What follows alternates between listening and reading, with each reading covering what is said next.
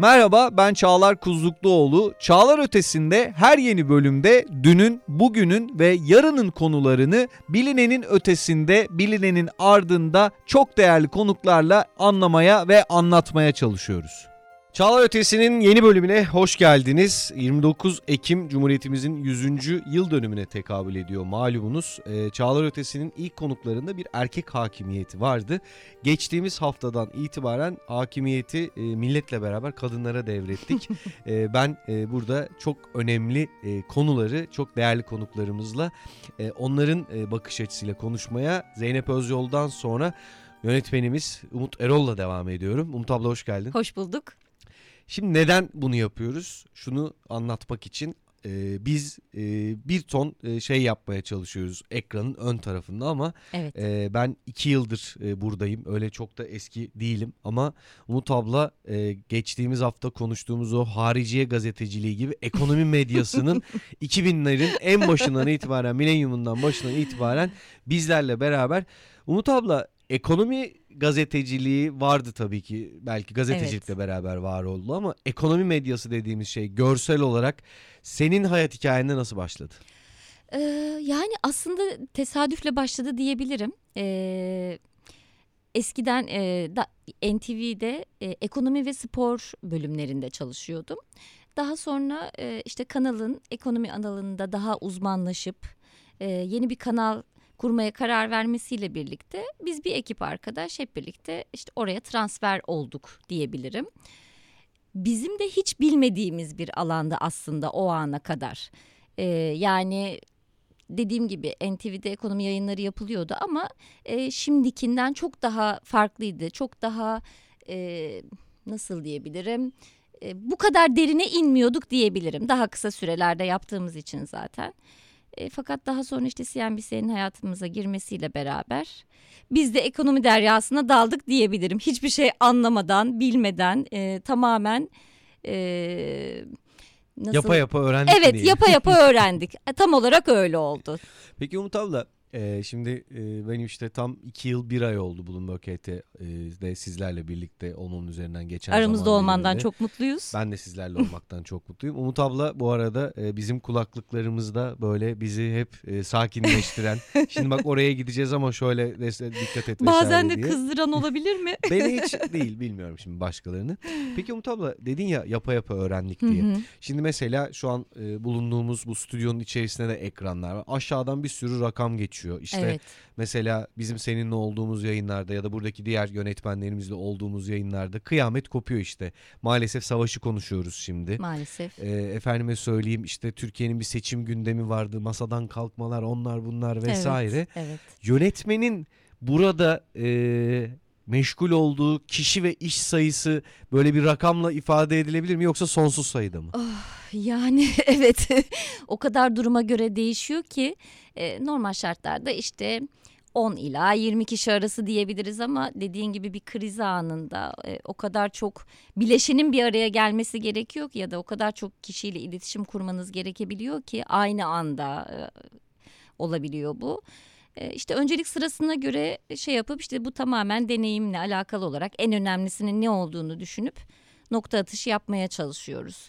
Ya bazen tabii ki yanlış kararlar da verdiğimiz olabilir, olabiliyor e, gün içinde, e, yayın esnasında. Çünkü o o kadar anlık bir şey ki e, dediğim gibi kriz anında biraz soğukkanlı olmayı başarabilmemiz lazım.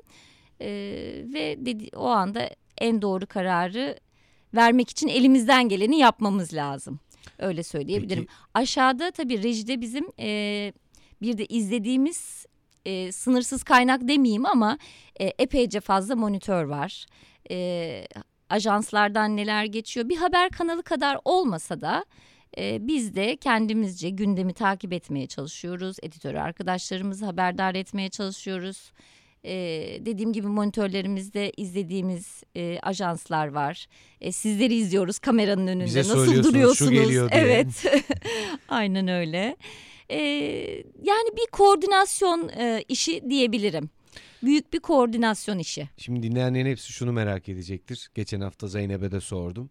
Meslek hayatına başladığından itibaren en seni şoke eden ya da görür görmez aksiyon alırken üzerine düşündüğünde ileride geçen zamanda unutulmaz olan olaylar var mı? Ya aslında şöyle e, bu pandemi dönemi biliyorsun e, televizyonculukta da e, çok farklı işler yaptık.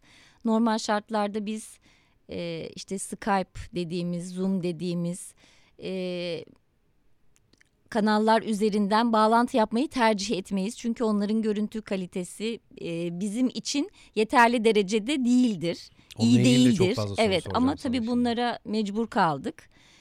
E, unutamadığım e, Sayın Açıl Sezen'in programında yaşamıştık hep birlikte. Bu Skype bağlantısında bir konu kalmıştı kendisi konuşurken. Tabii şöyle bir tehlikeye de açık oluyor. Bizim e, Skype adresimizi birisi aradığında eğer e, o Skype kanalı yayındaysa direkt yayına yansıyor bu. Ve böyle bir şey oldu. E, sürekli bizim e, Skype adresimiz çalıyor ve bu arada bir çalma sesi, çalma efekti yayına yansıyor. Biz sürekli no'ya basıyoruz. Fakat tekrar tekrar aranıyor. En sonunda e, işte Açıl'dan rica ettim biraz arayı doldurmasını e, ve o da anladı zaten yayının sesini duyduğu için çalma sesini. Sonra açtık ve bir çocuk karşımızda. Sen kimsin evladım nesin? E, meğersem babasının telefonu bizim çok çok önce bir bağla, bağlandığımız bir dış muhabir. yani sadece bir kez bağlandığımız babasının telefonundan yanlışlıkla ele geçirmiş ve Skype'tan sürekli bizim Skype adresimizi arıyor. O işte o esnada kapat evladım arama bir daha bu numarayı falan değil mi? Tabii ki o anda biz çok heyecanlıydık. Saniyelerle yarışıyorduk. E, onu hiç unutamıyoruz. Sonra Açıl Sezen sağ olsun e, yayında da güzel bir şekilde toparladı. Tekrardan konuyla devam etti. Ama biz büyük bir heyecan yaşadık o, o zaman. Şimdi Umut abla senin e, kendin böyle film e, zevki olduğunu vesaireyi de biliyorum. Şimdi ama sinemayı konuştuğumuzda ya da artık güncel olarak baktığımızda işte 2000'lerden sonra önce televizyon sonra dijital platformlarda dizi yönetmenliği diye de bir şey çıktı. Şimdi girizgahı aslında zaten ekonomi medyasında yönetmen olmaktan konuştuk Evet. ama böyle takıntıların var mı? Yani yayında dedin ya mesela biraz önce biz aslında konuğu stüdyoda isteriz. Stüdyoda işte Evet. belirli bir formda vesaire. İşte dijital olsun şu an mesela e, dijital bir yolla bağlı Hı hı. konumuz var karşımızdaki ekranda. Stüdyoda olsun. Böyle yönetmen olarak tarzın var mı? Bir Wes Anderson, efendime söyleyeyim, Tarkovski gibi. Yani e, şöyle aslında her şeyi izlemeye çalışıyorum. Çok kapalı değilim yani asla izlemem ya da sadece bunu izlerim falan gibi takıntılarım yok. Ama tabii işte meslek hastalığı olarak sayabileceğim şöyle bir şey var. E, hataları görmek bu işte herhangi bir televizyon kanalını izlerken de olabiliyor. E, bir diziyi izlerken de olabiliyor. Bir filmi izlerken bir devamlılık hatası.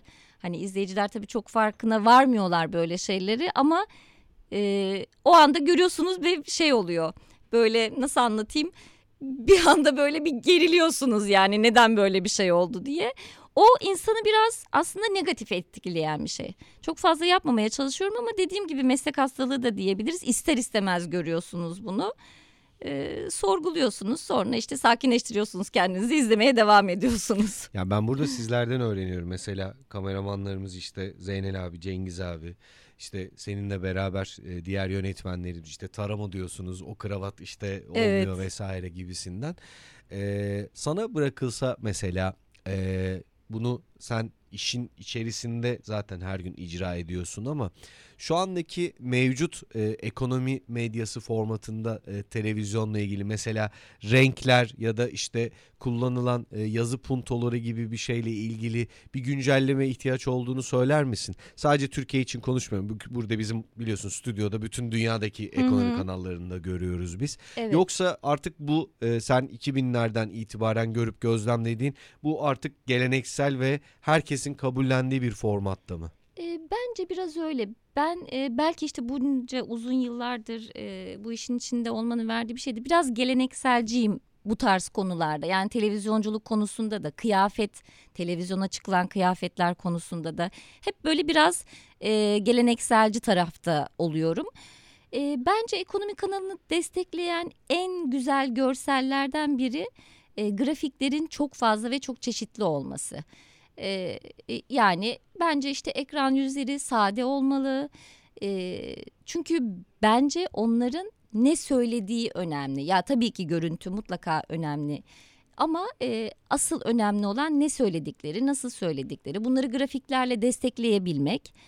Bence bir ekonomi kanalının en çok e, çarpıcı olan e, noktası grafikler olduğunu düşünüyorum.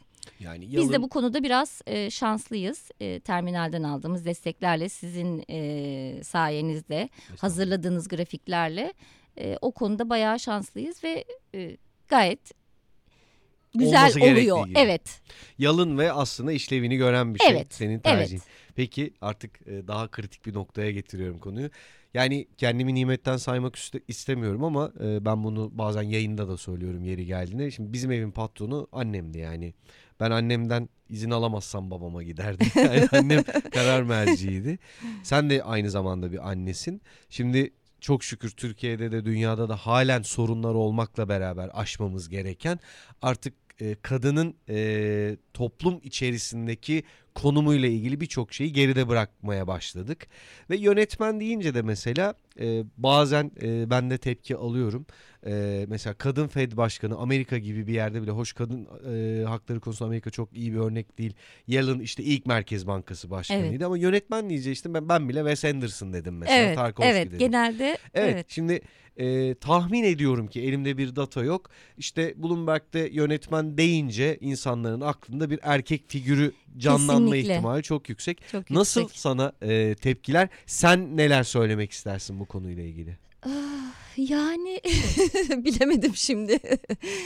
Bence ya kadının yapamayacağı bir iş yok olduğunu düşünmüyorum e, açıkçası.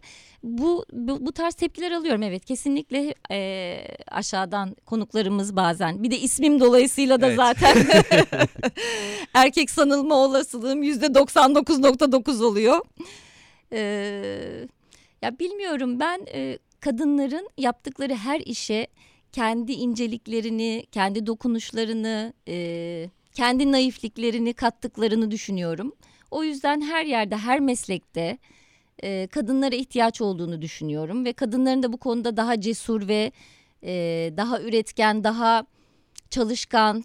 Belki erkeklerden biraz daha bir tık fazla mı çalışmamız gerekiyor bilmiyorum. Olabilir. Onu biraz Belki biraz onu Maaş aşmış. ve e, terfi işte üst düzey Ee, yöneticilikte kadınlara Evet, yapılan haksızlıklar. onları da hala aştığımızı çok düşünmüyorum açıkçası. Ee, öyle bir e, kayırma demek doğru değil belki ama tercih mi diyeyim? E, erkekler hep daha e, önce tercih edilen olabiliyor maalesef. E, belki biraz daha fazla çalışarak, e, belki biraz daha e, kendimizden kişisel bir şeyler katarak bunları da zaman içerisinde aşabiliriz umarım. Senin bu söylediğine paralel e, Burak Onaran'ın e, bu Çağlar Ötesi'nin ilk bölümünde Onur Daylan konuktu. E, yine kitabına bir e, değinme yapayım.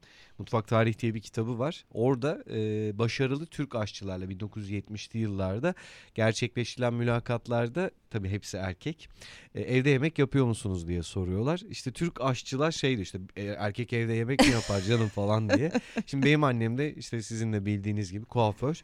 Mesela benim kafamda annem kuaför olduğu için yani her Evet. insan kendi çekirdek aile ve çevresinden gördüğü benim için mesela e, kuaför kadındır yani. Evet. Ama e, Yerleşmiş evet. aileden dışarıya çıkınca Türkiye'de kadın kuaförlerin erkek olması bile aslında daha alışıldık bir durum.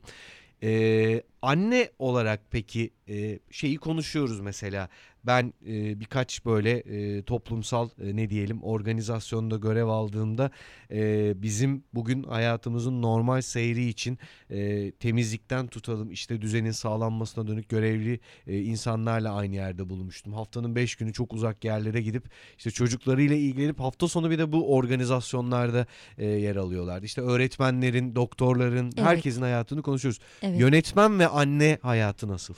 Ee, zordu. Şimdi e, oğlum büyüdüğü için tabii kısmen büyük bir rahatlama yaşıyorum ama e, yani şimdi düşünüyorum da onun doğduğu işte e, bir anneye muhtaç olarak yaşadığı dönemler e, epey zor geçti diyebilirim. Çünkü yani belki de çalışan her annenin bu sorunları yaşadığı malumdur ama bizim çalışma saatlerimiz de birazcık zor saatler olduğu için sabah işte çok erken geliyoruz işe.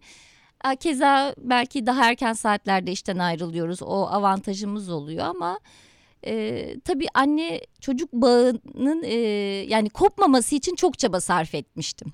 Ve e, çok yorulduğumu ve yıprandığımı tabii yıllar sonra fark ettim. E, işin içindeyken ve o koşuşturmanın içinde çok algılayamıyorsunuz. Ee, ama tabii dediğim gibi çok zor bir dönem olduğunu söyleyebilirim. Çünkü her şeye yetişmeye çalışıyorsunuz. Ee, biraz herhalde Türk kadınının artık doğasında mı var diyeyim. Ee, yani işte evim de temiz olsun, çocuğum da İşim de çok iyi gitsin. evet işim de iyi gitsin. Ama tabii bunun sizden e, götürdüğü çok şey oluyor. Ee, yani e, atlatıyorsunuz tabii genç olmanın verdiği bir e, enerjiyle diyeyim. E, o günler geçiyor ama geriye dönüp baktığımda gerçekten zor günler olduğunu söylüyorum hala. O yüzden bir tane çocuğum var. Çünkü asla ikinci yani düşünemedim bile. Önceki kaydı alırken Umut abla e, Nobel Barış Ödülü açıklanmıştı. Bu hafta şu an biz konuşurken üzerinden çok geçti ama e, sen de hatırlıyorsundur. Nobel Ekonomi Ödülü kadının iş gücündeki yerine ilişkin çalışmaları kaynaklı olarak evet. Harvard Üniversitesi'nden Profesör Evet. Claudia Goldin'e gitti. Hı hı. Senin bu söylediklerine ilaveten de Goldin'in çalışmalarına baktığımızda o biraz önce konuştuklarımızla ilgili kadınların gelir durumu ve iş gücüne piyasasına katılımlarıyla ilgili eşitsizlikler ve Goldin diyor ki iş gücü piyasasına kadınların katılımı benim ele aldığım dönem boyunca yükselme eğiliminde değil bilakis U şeklinde bir yere kadar gelmiş ve geri gitmiş Oradan diye. geri dönmüş. Hatta çok güzel bir illüstrasyonu vardı. Kadın e, emek yemek merdivenden yükseliyor. Hı hı. Ama annelik görevi nedeniyle aslında o merdivende yükselebilecek olmasına rağmen o kaybettiği vakit ona eksi olarak merdivende sabit bir yerde Maalesef. kalmasına ya da geri dönmesine neden oluyor. Şunu merak ettim. Ben işte e, biraz önce Yasemin'le radyo yayını yaparken de bir pop şarkısı çalıyordu. Şimdi annemin e, şeyinde büyüdüm iş yerinde. Hı hı. O yüzden mesela kuaför benim çocukluğumda hayal edilen yer hala öyle herhalde ama e, çok girmiyorum bilmiyorum yani. pop müziğin çaldığı, Tabii. işte kadınların olduğu. Müzik olmazsa olmaz. Fazlaca aslında bilginin olduğu yerlerdir. Kesinlikle. Dedikodu demeyelim. Çokça bilgi içeren yerlerdir. Eğlenceli konular diyebiliriz.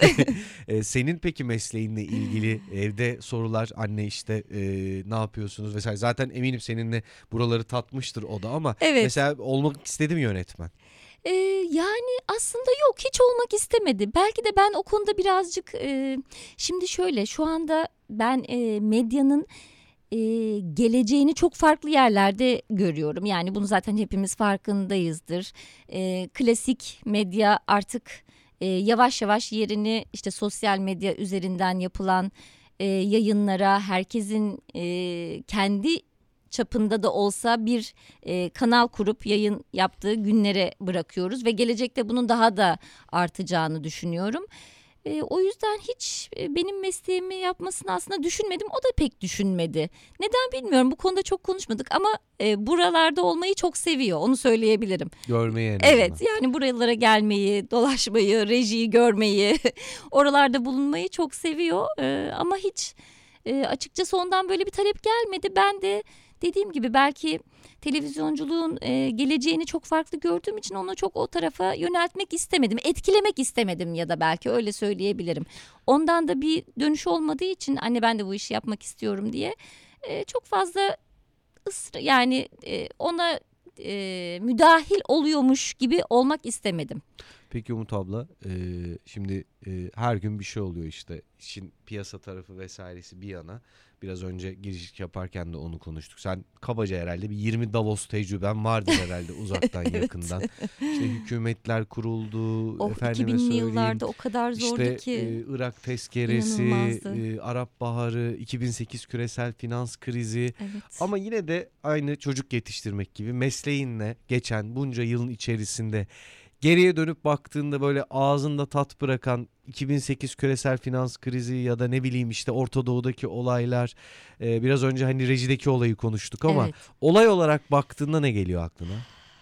Ee, aslında e, bu 11 Eylül olayları geliyor aklıma en çarpıcı. Ee, işin tuhaf yanı ben aslında 11 Eylül günü izinliydim. Ee, ama yani onun şokunu e, şöyle de tuhaf bir şey vardır. Ee, bunu biz bu 15 Temmuz darbesinde de yaşamıştık. Ee, bir e, olağanüstü bir olay olduğu zaman e, işte sen de habercisin bilirsin. İlk refleksimiz bir an evvel e, yayına koşmak, yayına gitmek, e, ne yapılabilire e, odaklanmak. E, hep böyle bir refleks oluşuyor zaman içerisinde. E, dediğim gibi 11 Eylül'de e, o gün izinliydim ben fakat televizyonu açıp e, olayı gördüğümde ilk işim e, işte arkadaşlarımı arayıp geleyim mi oldu. E, bir yerde de bulunmam gerekiyordu sağ olsun onlar idare ettiler.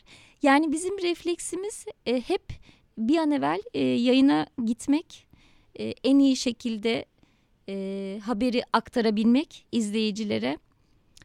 E, başka sen ne sormuştun ben onu unuttum. En aklına gelen yani işte 11 Eylül'ü söyledin. evet bundan evet o yani bizi bir de hmm, bu e, Levent'teki patlama. Hmm. 2003 HSBC patlaması. Evet e, yani e, ben o dönemde Maslak İş yeri de civarındaydım. yakın. E, biz zaten birebir patlamayı Duydunuz, hissettik hissettiniz. olduğumuz yerde. İlk önce ne olduğunu anlayamadık. E, sonra işte görüntüler gelmeye başlayınca tabii biz e, o görüntüleri süzerek ekrana yansıtıyoruz. Birebir gördüğümüz her şey yani kötü görüntüleri e, anında değiştiriyoruz. E, yani daha az e, insanların görüp de etkilenmeyeceği görüntüleri vermeye çalışıyoruz. Ama e, arka planda bizim gördük yani ben yayından çıktıktan sonra e, yani elimin ayağımın boşaldığını gidip bir kenarda bir süre ağladığımı hatırlıyorum. E, büyük bir sinir, sinir bozukluğu yaşamıştık hepimiz. Yani ülke olarak da dünya olarak da zaten 20. yüzyıla da baktığımızda aslında o kadar ne diyelim fantastik değil ama Kesinlikle. bu ilk 25 yıl artık ilk çeyreği geride kalırken çok da zor, kolay zamanlar geçirmemişiz. Yönetmen gözüyle de senden duruyoruz. Son olarak Umut abla merak ettiğim bir şey. Ee, sinema olarak baktığında favori yönetmenlerin var mı? Bir de e, ekonomiyle alakalı yayıncılık yapıyoruz belki ama bir mesela sinema projesinde ya da bir dizi projesinde olmak ister miydin? Aslında şöyle e, evet yani şöyle isterdim. izlemek isterdim. Çünkü o konuda hiçbir e, deneyimim, hiçbir fikrim yok. Eminim ki e, benzer şeyler olmakla birlikte e, hani oranın apayrı bir dünya olduğunu tahmin ediyorum zaten. Böyle mesela sevdiğim mesela Türk yönetmenlerden işte Çağan Irmak geldi şu an ilk olarak aklıma. Mesela onun bir e, dizi setinde ya da film setinde e, böyle onun arkasında neler yaptığını izlemek, e, işte nasıl kararlar aldığını görmek, işleyişin nasıl olduğunu böyle öğrenmek ve anlamak isterdim. E, hep onu derim zaten böyle hani bir dönem e, hiçbir şey istemiyorum hani sadece orada olacağım. Deneyim olarak. Evet deneyim olarak bunu yaşamak isterdim. İki soru daha geldi sen böyle konuşunca. Bunlarla bitirelim artık. Yasemin kızmasın bize. Tamam. Ee, bir tanesi e, yerli ya da yabancı. Yerli işte Kadir İnanır'ın o meşhur bir sahnesi var. İşte borsa öğretiyor yanılmıyorsam kadın birine. Ama yabancı örnek çok fazla işte krizlerle ilgili falan. İzleyip de ya hakikaten e, bizim yaptığımız işi reji tarafını da e, tatmin edecek boyutta. Evet bu filmi gerçekten finans dünyasını anlatmak adına güzel çekmişler dediğim bir örnek var mı? e, Julia Roberts'ın bir filmi var. Filmin adını şu an tam hatırlayamadım. Hı hı. E, yine böyle bir e, kamera önünde ekonomi sunumu yapan e, bir kişiyle yönetmenin diyaloglarını anlatıyordu. İşte hatta e, stüdyoyu basıyordu bu hissede para kaybetmiş bir Hmm. vatandaş.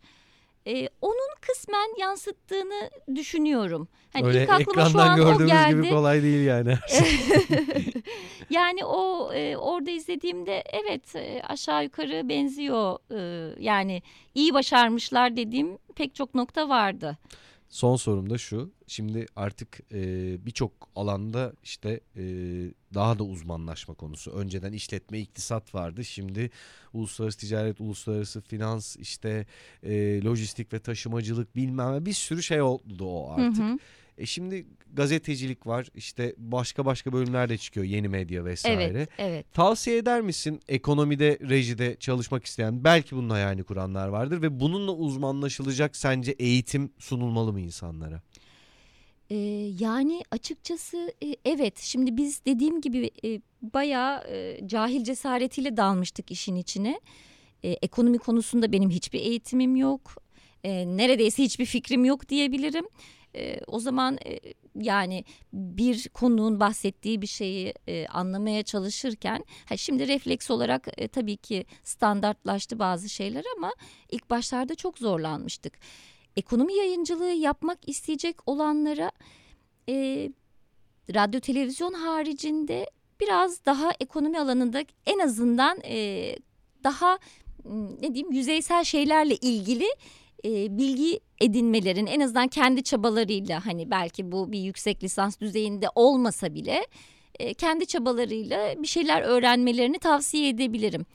E, o yabancılaşmayı en azından e, kendi içlerinde en aza indirebilirler böylece. E, yani ilk aklıma gelen bu. Burada e, çalışmayı hala hayal ediyorsa Evet, da en eğer ekonomi eğitimde bir yayıncılığı- eksikliği varsa onu e, tamamlaması gerekiyor. Yani. Tabii kesinlikle yani radyo televizyonun yanında e, ufak ekonomi bilgileri demek belki daha mı doğru olur? Kendi çabalarıyla ulaşacakları işte yani işte ne bileyim bir cari açık dendiğinde neden bahsedildiğini ya da ne bileyim tarım dışı istihdam dendiğinde neden bahsedildiğini biliyor olmaları onlar için büyük bir avantaj sağlayacağını düşünüyorum. Umut abla çok teşekkür ediyorum. Ben teşekkür ederim.